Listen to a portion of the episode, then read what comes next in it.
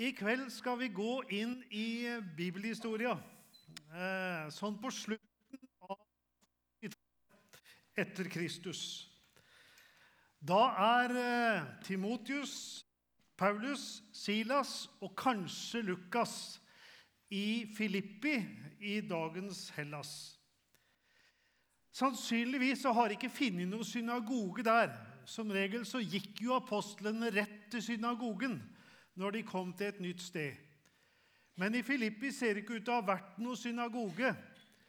Men de fant et bønnested ved ei elv, og der var det noen kvinner som var jevnlig sammen og ba.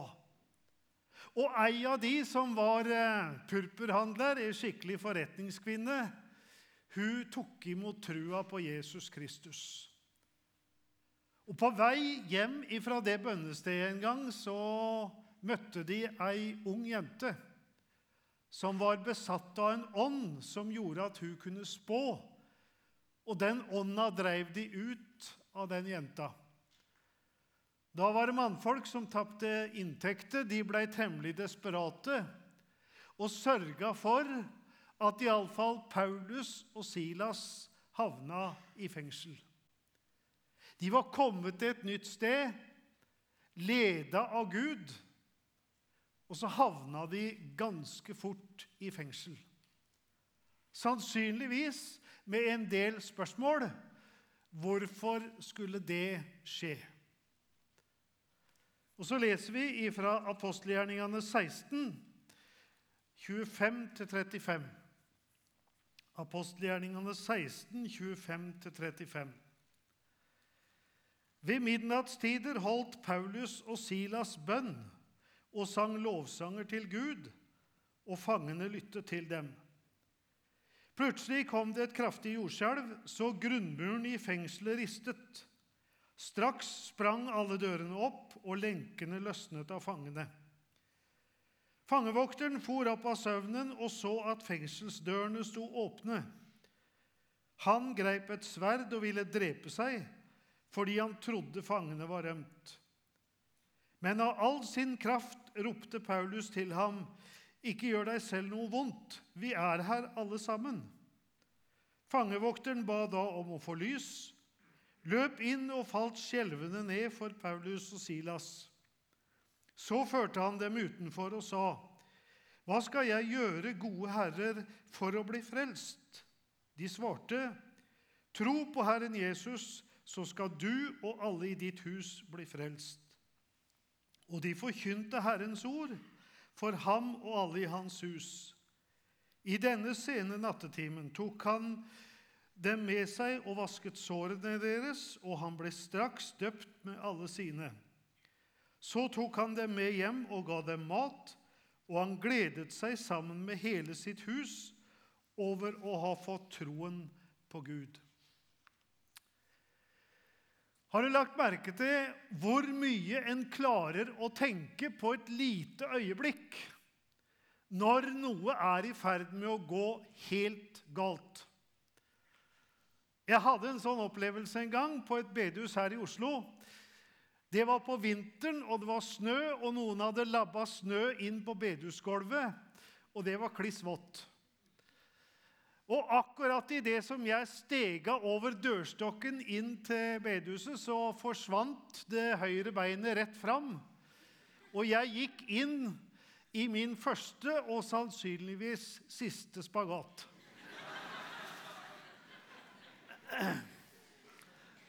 Og nå sier kona det at ikke jeg er sånn spesielt kjapp i tanken.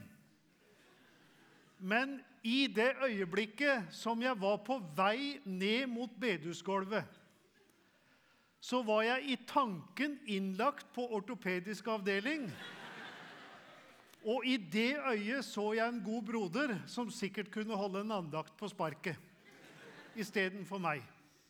Så mye rakk jeg å tenke på det lille øyeblikket jeg ramla ned på bedehusgulvet her i Oslo.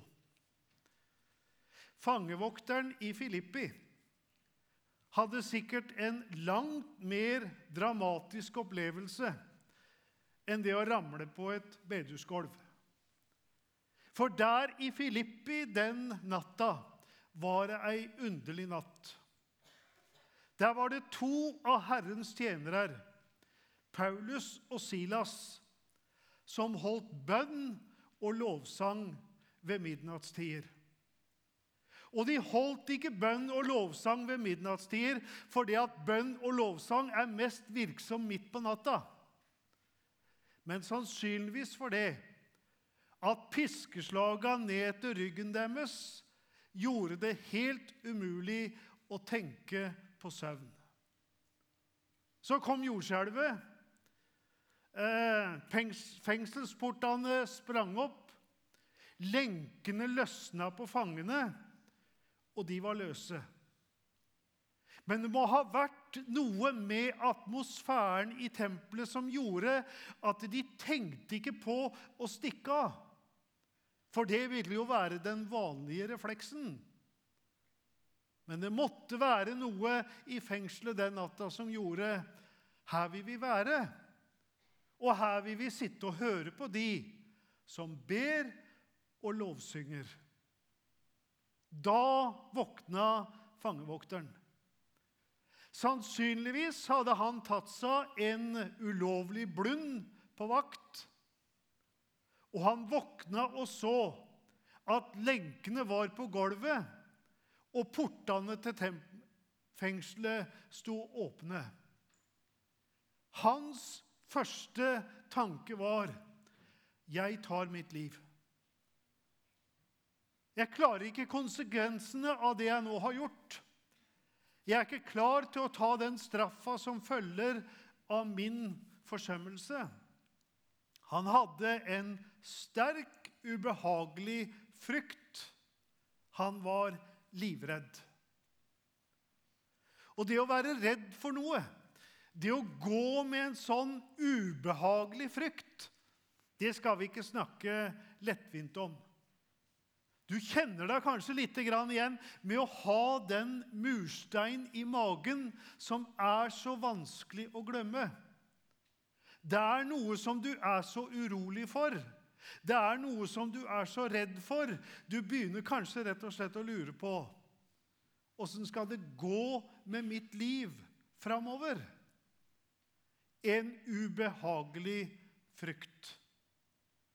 Og før vi går videre den frykten der kan du snakke med Jesus om.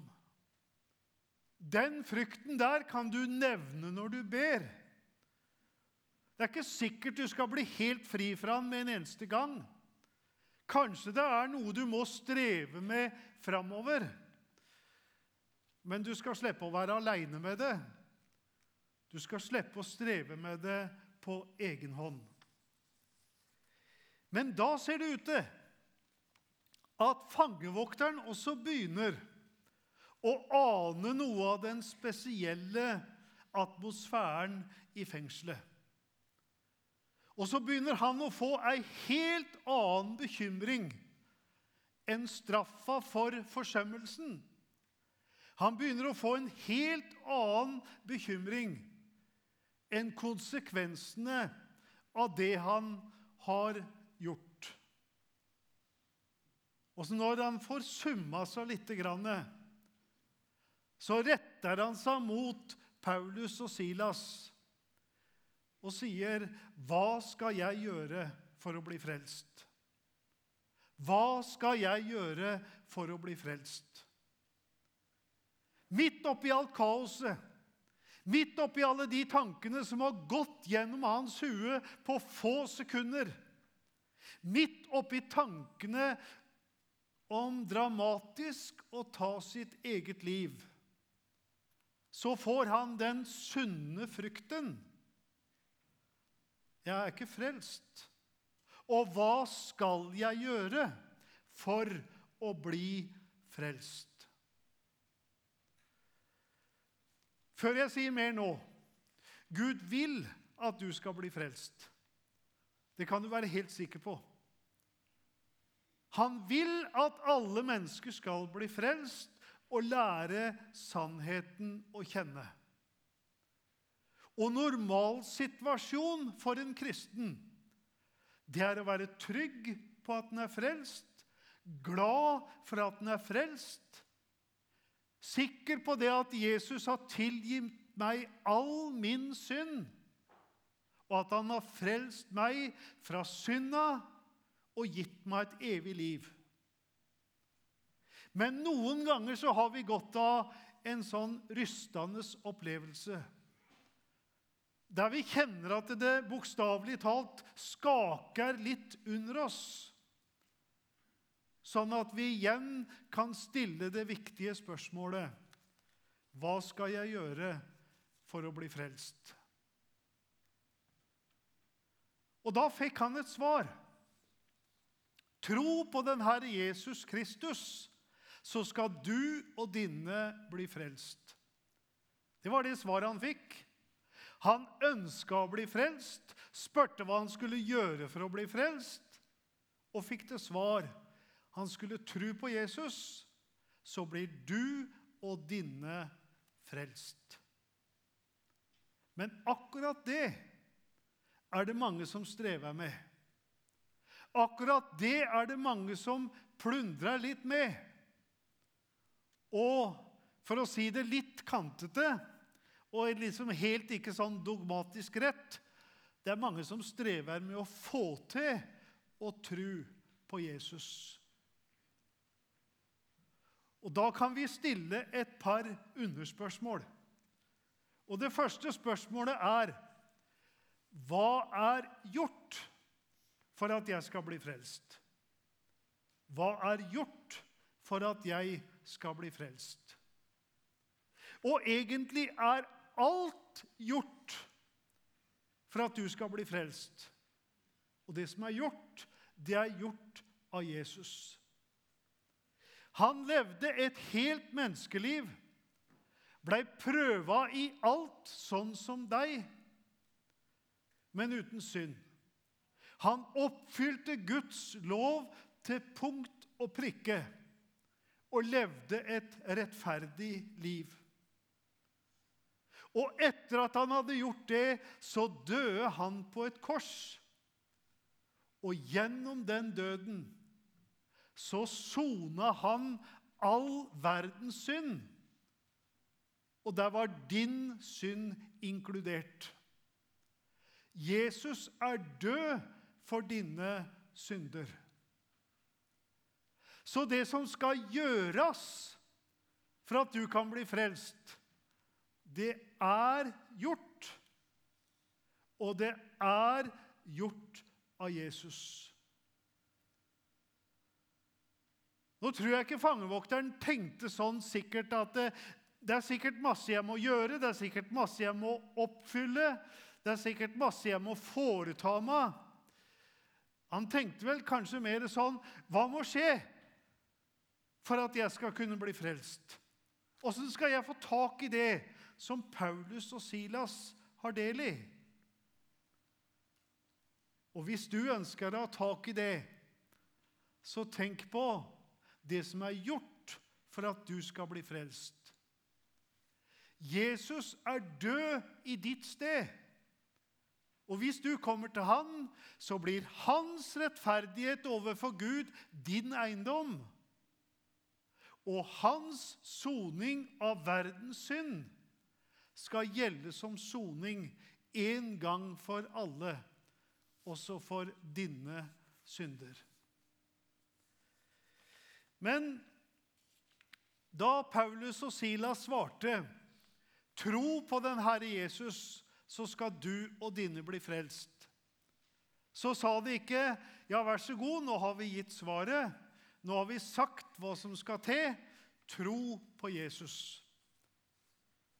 Oppfordringa til å tro på Jesus blei fulgt opp av noe. Og det det blei fulgt opp med, det var at de forkynte Herrens ord for fangevokteren og for fangevokterens familie. Og da kommer vi til neste eh, underspørsmål. Hva skal jeg høre for å bli frelst? Hva skal jeg høre for å bli frelst? Det du trenger å høre for å bli frelst, det er ganske enkelt Guds ord. Det er ganske enkelt evangeliet. Det er budskapet om Han som er død og oppstått for deg. Litt forenkla så kan vi si at tru, det er tillit til Jesus. Og den tilliten, den er ikke vi skapt med. Og sjøl om Jesus, ut ifra det at han har all makt i himmel og på jord, kunne kommet og krevd en sånn tillit av oss, så hadde det ikke nytta. For en sånn tillit hadde ikke vi vært i stand til å bringe til veie. Men hvis vi tenker på mellommenneskelige forhold, åssen er det tillit oppstår? Jo, tillit oppstår gjennom det livet du lever, gjennom det du er, og gjennom de orda du sier. Og særlig hvis det er samsvar mellom orda du sier, og livet du lever, så kan du bygge tillit hos et annet menneske. Og gjennom det Jesus er, gjennom det han har gjort, og gjennom det som han sier til oss i Bibelen, så kan han skape troens tillit i våre hjerter. Det skjer ikke likt for alle mann. Noen vet hvor mye klokka var da de begynte å takke Gud for at de var blitt en kristen. De vet akkurat hvilke bibelord det var som eh, satte de fri, sånn at eh, de sa 'halleluja'. Da tror jeg at jeg er Guds barn. Andre har det på en helt annen måte. Jeg vet ikke hvilke da jeg ble frelst. Jeg vet bare hvilke vinter jeg ble frelst. Det var i løpet av konfirmasjonstida. Da ble jeg frelst. Og det kan egentlig være det samme. For noen er prosessen lang, og for noen skjer det i løpet av sekunder. Men felles for oss alle som tror, det er Det skjedde ved Guds ord. Det skjedde ved Guds ord om det som Jesus har gjort i vårt sted. Ja, så sier du Du ble kristen i løpet av en vinter for en god del år siden, skjønner dere, i og med at det var under konfirmasjonstida. Og så har det vært sånn da siden at du har konstant trudd. Jeg har regna meg som kristen hele tida. Men det betyr ikke at jeg ikke har tvilt. Noen ganger har jeg tvila på om det i det hele tatt fins noen Gud. Mange ganger kan jeg tvile også på meg sjøl. Det er noe av den sunne frykten, det også, som forteller oss det at vi er våkne mennesker som ikke tar alt for selvfølge til enhver tid. Men når tvilsperiodene kommer, når de kampene der kommer, og de kommer før eller siden Jeg mener ikke å skuffe dere, men før eller siden så vil tvilsperiodene komme. Og så kjenner en noe av den samme frykten. Er jeg i ferd med å skli vekk fra Jesus nå? Er jeg i ferd med å miste helt fotfestet? Da er det om å gjøre å vende tilbake til det samme budskapet som skapte tru. Vende tilbake til Guds ord vende tilbake til evangeliet om Jesus Kristus. For Jesus, som kan skape tru, han er den eneste som kan holde trua oppe og som kan fornye trua fra da til dag. Det er egentlig bare sunt at du tenker litt på evigheten. Det er egentlig sunt at du kjenner ei viss uro med tanke på det. Men det som er viktig, det er at du venner deg til Jesus med det. Og at du tar imot Guds ord, også i de tidene der det er tungt og vanskelig å være menneske og kristen. Jesus har et ord ifra Bibelen å møte deg med. Det ordet om Jesus Kristus og hans død og oppstandelse i ditt sted, det er nok til frelse. Det er nok til å skape tru. Amen.